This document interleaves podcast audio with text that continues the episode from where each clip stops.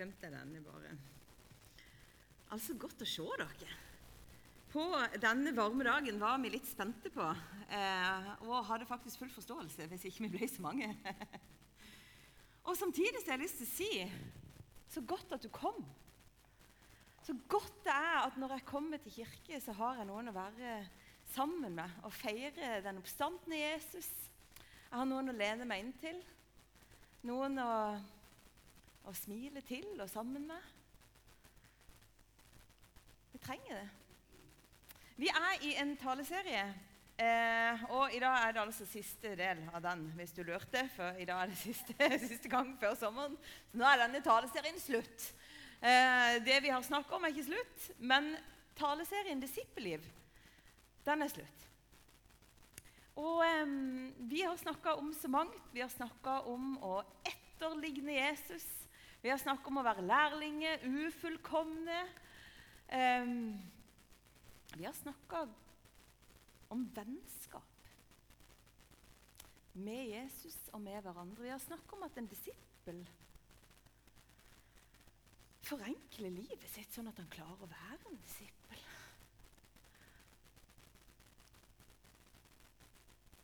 Vi har snakka om vennskap, og vi har snakka om trofasthet. Det var det siste. Trofasthet. Og i dag så var jeg veldig i tvil om hva jeg skulle snakke. Hva er liksom temaet? Jeg var ikke veldig i tvil i går kveld, men jeg var veldig i tvil på mandag. etter å ha snakket sist søndag. Og da prata jeg litt med Bård. Og så, eh, så satte han meg bare på det der sporet som på en måte allerede levde litt i meg. For noe om at vi alle trenger håp. Vi alle trenger å vite at vi elsker Jesus, og så trenger vi alle håp. Og i dag er det håp som er tema. Hva har det med disippellivet å gjøre? En disippel er en som har håp. Det kan være at du syns at det er litt sånn voldsomt ord. Det syns jeg. For jeg syns ikke at håpet er lettkjøpt. Og det er det heller ikke. Jeg syns heller ikke alltid det er så lett å få tak i. Og vi tror jo gjerne forskjellige ting om hverandre. Vi tolker hverandre når vi møter hverandre. Og det er ikke sikkert at du har tenkt det når du har møtt meg, men for meg så er det sånn at håpløsheten kan av og til ta overhånd inni her. Håp. Det er ikke et lett begrep, syns jeg. Og Vi skal lese fra Romerbrevet kapittel 5. Og Vi skal bare kikke på et veldig fint bilde først, men det kommer. Der står det Da vi alle er blitt rettferdige ved tro, har vi fred med Gud og ved vår Herre Jesus Kristus. Gjennom ham har vi også ved troen fått adgang til den nåde vi står i. Vi er stolte over håpet om Guds herlighet. Ja, ikke bare det. Vi er også stolte over lidelsene. For vi vet at lidelsen gir utholdenhet. Utholdenheten et prøvet sinn. Og det prøvede sinnet håp. Og håpet skuffer ikke. For Guds kjærlighet er utøst i våre hjerter ved Den hellige ånd, som Han har gitt oss. Her er det mye La meg si det sånn det er mye å ta tak i. Det er mye som vi kan diskutere rundt og, og tolke. Og, så jeg er veldig klar over at når jeg snakker ut ifra de versene her, så det er mye jeg ikke kommer til å berøre, som kanskje du allerede sitter og problematiserer oppi hodet. Hvorfor er Paulus så stolt over lidelsene? Hva er det som gjør det? At han er stolt over lidelsene? Jeg tror at det henger sammen med at han er forfulgt og lider for Kristi skyld. Og det tenker han hvis det er noe jeg skal lide for, så er det vel det. Evangeliet. Hvis det er noe jeg skal tåle noe for, så må det jo være for evangeliets skyld. Hva er det som gjør at han er stolt? Jeg tror det er fordi han lider for Kristi skyld. Og Samtidig så har jeg lyst til å si noe som jeg, jeg si, har oppdaga og stadig oppdager, det er jo at livet er krevende. Og det å være en kristen betyr faktisk ikke at vi slipper unna livet. Og at en del av det å følge etter Jesus og følge Kristus, det handler faktisk om å leve det livet som ikke er så lett. Både fordi at sånn er et menneskeliv, og fordi at evangeliet er noe å bære. Og en del av disippellivet handler òg om å følge etter Jesus opp via Dolorosa. Det er en lidelsens vei, en smertens gang. Det er ikke det jeg skal snakke om, men jeg hadde lyst til å si det. I all lidelse, eller bare det vanskelige jeg det er, van det er litt sånn der, Skal vi kalle alt som er utfordrende, for lidelse? Ja, på et vis sant. På et annet vis så er det jo òg vanskelig, da. Det kan være vanskelig. Mange ting. Men i alt som er lidelse eller vanskelig, så ligger det en kamp. Og mange av oss vet at det er en kamp å stå opp om morgenen. Det er faktisk en kamp. En kamp å få øvd. altså På tredje rad her så sitter det noen som har et eksamen. Eller dere har ikke et eksamen, dere har levert. Noen har et eksamen, og andre har levert en oppgave de har jobba med hele året. Sånt? Mange av studentene har flydd hjem, men, men der sitter de som altså Vi vet noe om at det, det krever det. Skal vi kalle det lidelse? Vet ikke. Men er det en kamp? Ja. Det kan være en kamp, tenker jeg. Var i hvert fall, eh, altså Det å orke å stå opp og lage nistepakke til, eller å gidde å gjøre det på kvelden hvis du er en del av ditt liv. Det kan være en kamp på et vis å orke. Vi skal orke så mange. Vi skal orke å lage den nistepakka. Vi skal orke å stå opp. Vi skal orke å gå på gudstjeneste. Orker du det? Orke noe orker jeg å tilgi eller å begynne å tenke på og kanskje skulle gjøre det? Orker jeg å gjennomføre noe jeg har starta på? Orker jeg å stå i det som ikke var så behagelig? Og orker jeg å ta opp det som må sies? Men det blir ikke noe hyggelig. I utholdenheten så trener vi muskler. På et eller annet vis så styrker vi vår integritet. Eller vi styrker iallfall noe. Og Kanskje er det jo av og til håpets muskler, for vi håper jo at det skal skje noe bra. At livet fortsatt har noe for seg. Så vi står opp. Jeg håper det. Ja, ja, at, at det har noe for seg å fullføre den eksamen. da. Det er noe der. Og så kan det samtidig høres ut som håp er noe vi presterer, noe som vi får til. Holde fast i håpet, at det liksom handler om å være flink. Men hvor mye skal vi orke? I går var det noen som løp halvmaraton og maraton. Jeg ser du kikker ned, for jeg skal ikke nevne deg med navn, men jeg ser på deg. men, eh, men, det var mange, jeg så en hel haug av dem, og jeg klarte ikke å gjenkjenne de jeg visste hvem var, for de løp så fort. Og det er jo noe med det at Sånn er det der livet vi lever. og Bibelen sier noe om det. Vi løper som i et maraton. Seieren er vunnet. Det er på en måte en seiersløype. Men vi løper, vi løper hver vår løype. Det ser forskjellig ut. Utholdenhet. Men Paulus peker altså på at vårt håp ikke er noe vi får til. Det er noe vi får av Gud. Noe som har sammenheng med at Guds kjærlighet er øst ut i våre hjerter. Akkurat som han har tatt håpet. At det henger sammen med at han heller kjærligheten, så ramler òg håpet, så styrkes òg håpet ned i hjertene våre. Og hva er håp? Jeg googla det, og da kom det opp. Håp er å strekke seg mot muligheten. Ja, ja på et vis. Vi håper at det skal gå bra. Håper at vi skal få det til. Vi håper vi skal vinne det halvmaratonet. Eller i det minste at det skal gå bra på eksamen. Men hva er et kristent håp? det er knytta til Guds løfter. Det er knytta til de løftene han har om forløsning og frelse. Og Da har jeg lyst til å si at vi som er kristne, må ikke blande ønske med håp. Det er vanskelig. Jeg håper inderlig at det skal gå bra. Jeg holder på med en masteroppgave. La meg si det sånn. Jeg håper jeg skal orke å lese de bøkene jeg må lese. Jeg håper at jeg skal klare å levere. Og jeg håper at det ikke blir stryk.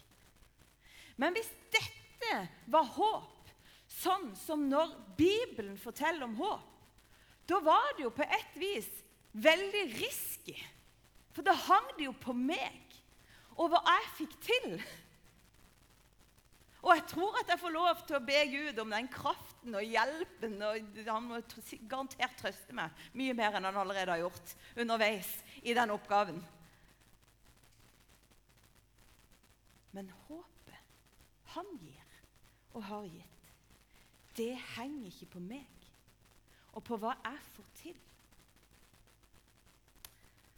Og det er jo litt vanskelig, da, for mange ganger når vi snakker med Gud, så snakker vi om han, med ham om ting som er litt sånn sårbare for oss. Kanskje det er noen som er syke, som vi håper at skal bli friske. Vi håper så inderlig at de skal bli det. Og så ber vi til Gud, og det har han sagt at vi kan. Og vi er sammen med Han, så ber vi, og det får vi lov til. Og han hører hver eneste bønn. Og på et eller annet merkelig vis så tror jeg at han besvarer det òg. Statistikken for bønnesvar som ser ut sånn som jeg hadde trodd eller ønska det, det er ikke alltid så høyt. Men han er med. For håpet, det henger ikke Det henger faktisk ikke på at ønsket mitt blir oppfylt en gang. Dette er heavy. Det er noen som har skrevet om håp, som sier det bedre enn meg. En av dem er Eugene Peterson. Han, var, han døde altså i 2018. Han var en amerikansk, han var en pastor. Han var en eh, teolog. Han underviste på universitetet. Rett før han døde, ifølge hans familie, da, når han ligger på dødsleiet, holder på å dø, så sa han noe veldig kort. Vet du hva han sa? Let's go, sa han. Let's go.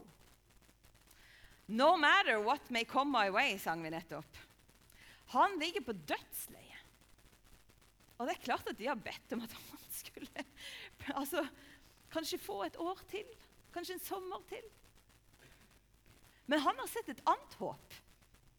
Så når han ligger på dødsleiet sitt, så sier han Let's go. Det er tøft. Det er ikke sikkert at vi alle klarer å si det. Det kan være at det ser annerledes ut. Men han skriver noe om håp. Og så skriver han at En gang så var han og kona hans i Mexico. Og Der var det en kirkegård. Han, de var besøkt et kloster, og på det klosteret så var det en kirkegård. Og eh, Midt imellom klosteret og kirkegården så lå det en gravlund. Og, på, og Der var det jo sånn at Munkene som var der, de måtte gå i, mellom klosteret og til kirka hver dag.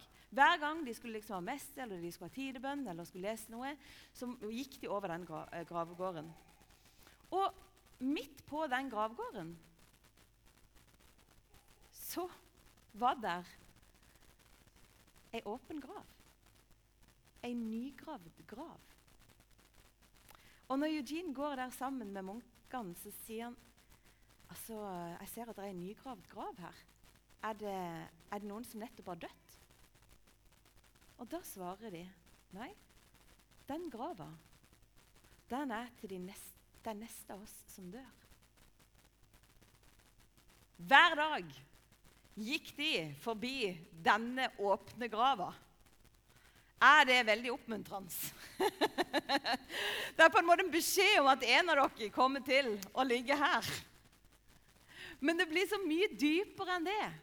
For når eh, Eugene Peterson skal liksom beskrive Guds håp, som ikke svikter oss, da hopper han ikke over døden. Da legger han ikke opp et sånt ønske skulle ønske at vi aldri måtte dø. Nei, han tar med døden. For han vet at det er kun der hvor det fins graver, det er kun der hvor noen har dødd, at det kan være en oppstandelse. Det er kun der hvor noe har blitt helt tomt. At det kan bli fylt igjen. Og oppstandelsen, skjønner du, når Jesus står opp fra de døde Oppstandelsen, at vi skal få lov til å stå opp fra de døde, det er intet mindre enn et mirakel og en overraskelse. Det var det når Jesus sto opp. Det var en overraskelse. Og jeg tror at den dagen vi skal stå opp, så tror jeg at det blir litt sånn wow. Kanskje vi blir overraska fordi det er mer enn vi trodde. Det er bedre enn vi trodde. Det er flere her enn vi trodde. Men det henger ikke på oss. For den oppstandelsen får du ikke til Det henger på Han. Og det har jeg lyst til å trøste meg med. Jeg har lyst til å trøste deg med det. At håpet kan du ikke prestere. Vi kan komme til Gud med alle våre ønsker. Og han er sammen med oss og ønsker det samme som oss. Han ønsker legedom, han ønsker fred. Han ønsker at relasjoner som ikke funker, skal begynne å funke igjen. Han ønsker at du skal ha det bra. Han ønsker at det skal være lett og godt for deg. Han ønsker deg vel. Men håp er ikke noe du kan prestere. Ikke engang med å be nok. Det er noe du får. Det er noe han gir til deg. Og vet du hvorfor? Det er fordi at Guds håp, det er Guds nærvær. Guds håp, det er noe som på en måte kommer fra evigheten. Så kommer det til deg. Det er hans person. I deg, hos deg, alltid. Og det er litt sånn der, vet du, ja, Hvis du har vært i statskirke, så har de denne her ringen rundt, alterringen. Og det var sånn at for Grunnen til at de hadde den, de hadde en tanke om at bak her så representeres det himmelske. Sant? Og derfor kom liksom, Når de deler ut nattverden, så deler de ut derifra. For de vet at Guds brød kommer fra himmelen. Sant? Hans liv kommer fra himmelen. Guds ord kommer fra himmelen. Håpet kommer fra himmelen når du kommer til det. Det liksom trenger seg fram inn til ditt liv. Og så vil han fylle deg. Og derfor, Det er en sang jeg er veldig glad i, som heter jeg tror det er 'Make Room'. Så tenker jeg skal gi god plass. Sånn at han, Gud, gjennom Jesus Kristus ved Den hellige ånd, får god plass. Sånn at håpet lever i meg. Og så er det sånn at en dag så ligger, er det meg som ligger for døden, og vi vet ikke når. Da håper jeg at jeg skal si 'let's go'. Come on! Men det er jo ikke sikkert. Men jeg håper likevel at blikket mitt er festa på noe annet enn det jeg ikke får til. Når det kanskje er vanskelig å puste. Når det kanskje er vanskelig å holde meg sjøl i live. Det er vanskelig å tenke en eneste tanke. Så håper jeg blikket mitt er festa på Han som er det levende håpet. Han. Edin Løvaas han har jeg sitert før, men han hadde et veldig nydelig vitnesbyrd hvor han forteller at han var besøkt en venn som lå for døden. Og Så sier denne vennen litt sånn sårt så sier han, nå klarer jeg det ikke lenger, Edin. Nå klarer jeg ikke å holde fast ved Jesus. Og da sier Edin, jeg tror jeg fikk et ord til ham. For da bare ramler det ut av munnen min. Det er ikke du som holder, min venn. Det er ikke du som holder. Håpet det er noe som kommer til deg. Det er forsmaken på det evige. Og Samtidig så er det jo sånn at fordi at håpet bor i våre hjerter Håpet om det levende livet, det som er bare fylt av kraft, det som har liv og glede og fred og alt det i seg Når håpet er til stede, så er Gud fullstendig. Det er Han som er til stede. Og han er òg til stede med sin kraft. Derfor ser vi òg glimt av himmelen, som gir håp. Og Jeg synes det er så deilig. Jeg har altså drevet og peppa meg sjøl den siste uka med altså podkast fra Sverige.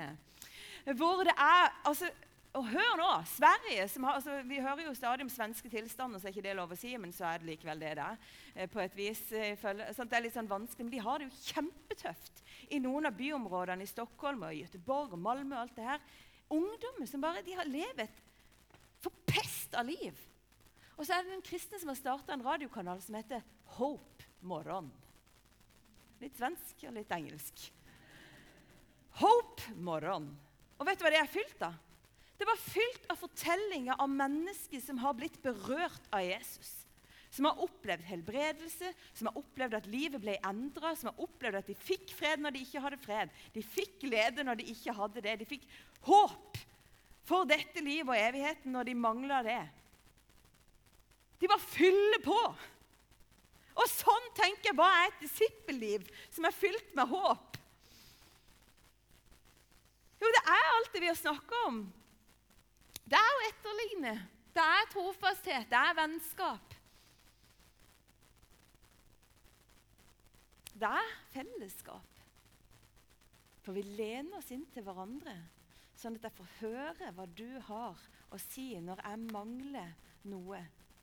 Når du synger og jeg ikke klarer å synge høyt.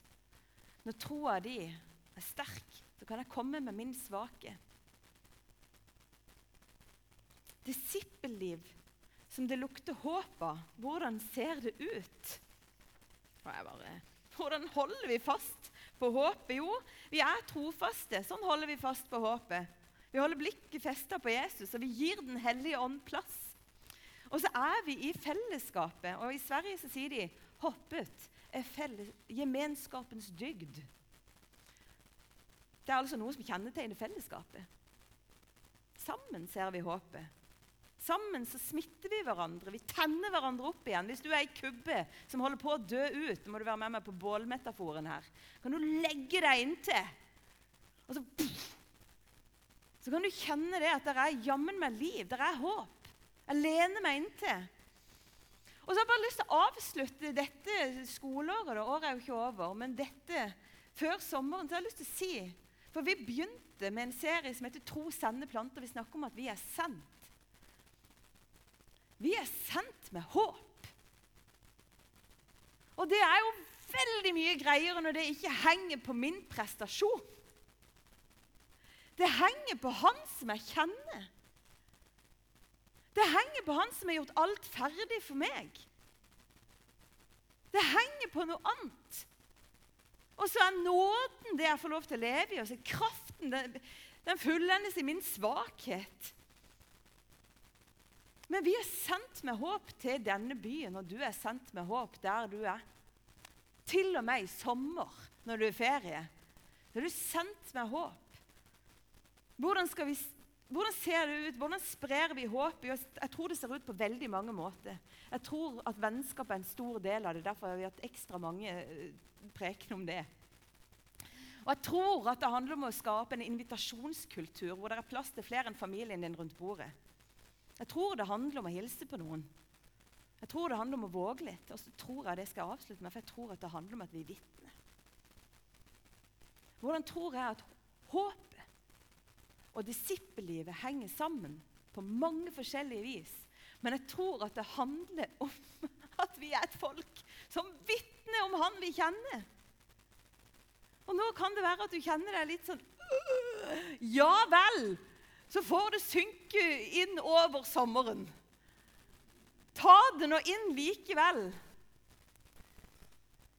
For det er den første evangelisten. Hvem er det? Det er ei dame som ikke har fått til noen ting som helst. Ei kvinne ved en brønn. Som har et kaotisk liv. Men hun møter Jesus. Og han sier til henne Hva er det han egentlig sier til henne? Han gjør henne egentlig bare klar over at 'jeg kjenner deg, jeg vet hvordan livet ditt er'. Jeg vil gi deg det levende vannet. Og hva er det som skjer? Jo, hun løper inn til byen. Og så sier hun, 'Kom og se!' En som kjenner meg. Hva er vitnesbyrdet? Hva er det hun skal si? Det er ikke en haug av, teologi hun driver og legger ut. Det er ikke en haug av altså, Jeg tror at apologitikk er viktig, og alt det der. Veldig, veldig viktig. Og Samtidig så er det vitnesbyrdet om den hun har møtt som gjør en forskjell for den byen. Så hva skal jeg svare, da? Når noen spør jeg, hvorfor gidder du å tro, eller hva betyr hva er det egentlig å gå i kirke? Nei, du skjønner det at jeg har møtt en som kjenner meg. Jeg holder på å bli kjent med han. Og så erfarer jeg at det gjør godt for meg. Maria hun er skikkelig overraska over det hun har opplevd. Det er nesten så jeg tenker at hun tror det ikke helt sjøl. Liksom, han er oppstått. Jeg sett den oppstandende Jesus. Og det er så sårbart for henne å legge det fram. Til og med for disse brødrene, eller kanskje ikke minst for disse brødrene. Hun er jo bare, altså, bare hun er en kvinne. De hadde ikke skjønt hva det betydde. Men der kom hun. Hun kan ikke si noe annet enn det hun har sett og hørt. Jeg har møtt ham. Det kan være du syns jeg er helt det er en som har eh, gjort Jeg har møtt ham. Og hva er det som skjer? Det er jo at de går for å sjekke. de går for å sjekke om det er sant. Og så finner de at det er sant, og det er det ikke Maria som må bære. Det er det Jesus Kristus sjøl som bærer, for det er han som er oppstanden. Det er en som Jesus helbreder fra å være blind, som opplever helbredelse. Det er jo de der tingene som er så skjørt å snakke om, fordi vi opplever noen bønnesvar som vi gjerne skulle sett. Og så er det andre som vi blir så overraska her, og så gjør du det, Gud. Hva er greia med bønnesvar? Jeg har ingen gode, kjempegode svar. Men det han svarer når de utfordrer ham, det er jo Jeg var blind. Nå ser jeg. Det har skjedd en endring i mitt liv. Og Når Peter og Johannes tas til fange etter at en mann har blitt helbreda når de ba for ham, så vokser altså Bente sa noe om at Guds ord vokser i, og det dukker opp på Så bare vokser det. Frimodigheten vokser i Peter. Når denne mannen står frisk foran dere, så er det med navnet til Jesus Kristus, sier han. Han som dere korsfesta, men som Gud reiste opp fra de døde. Han er steinen som ble vraka av bygningsmenn. Han er hjørnesteinen. Det fins ikke frelse i noen andre. Og Paulus han sier i brev, eh, første brev til Timoteus så er det egentlig bare så ydmykt. Så sier han bare 'takk han'.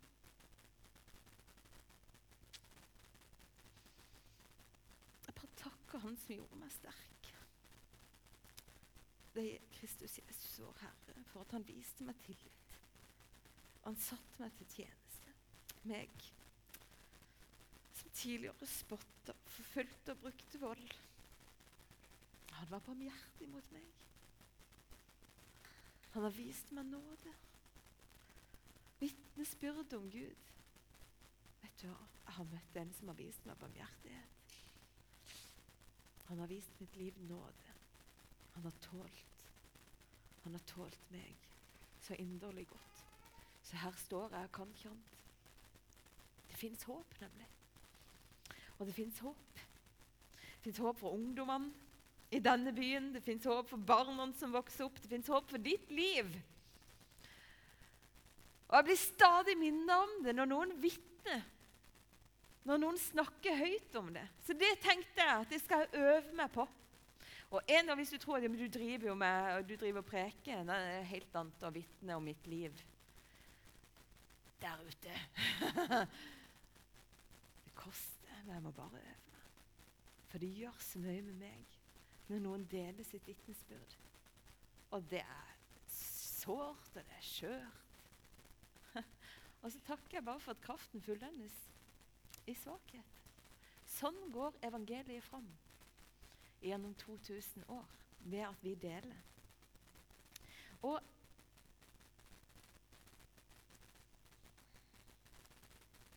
jeg vet at det er sol og vi skal dit.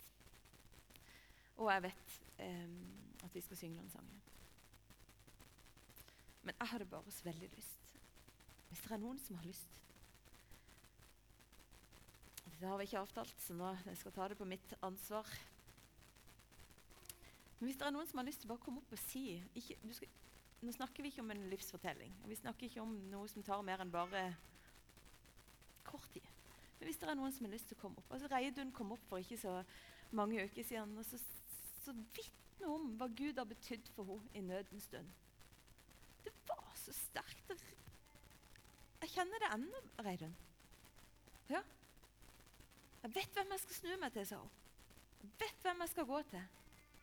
Og så bare tenkte jeg at før vi går ifra hverandre denne sommerdagen og dette år, holdt på skoleåret Hvis du har noe du har lyst til å si, at du vil takke han for, så skal du få lov til det.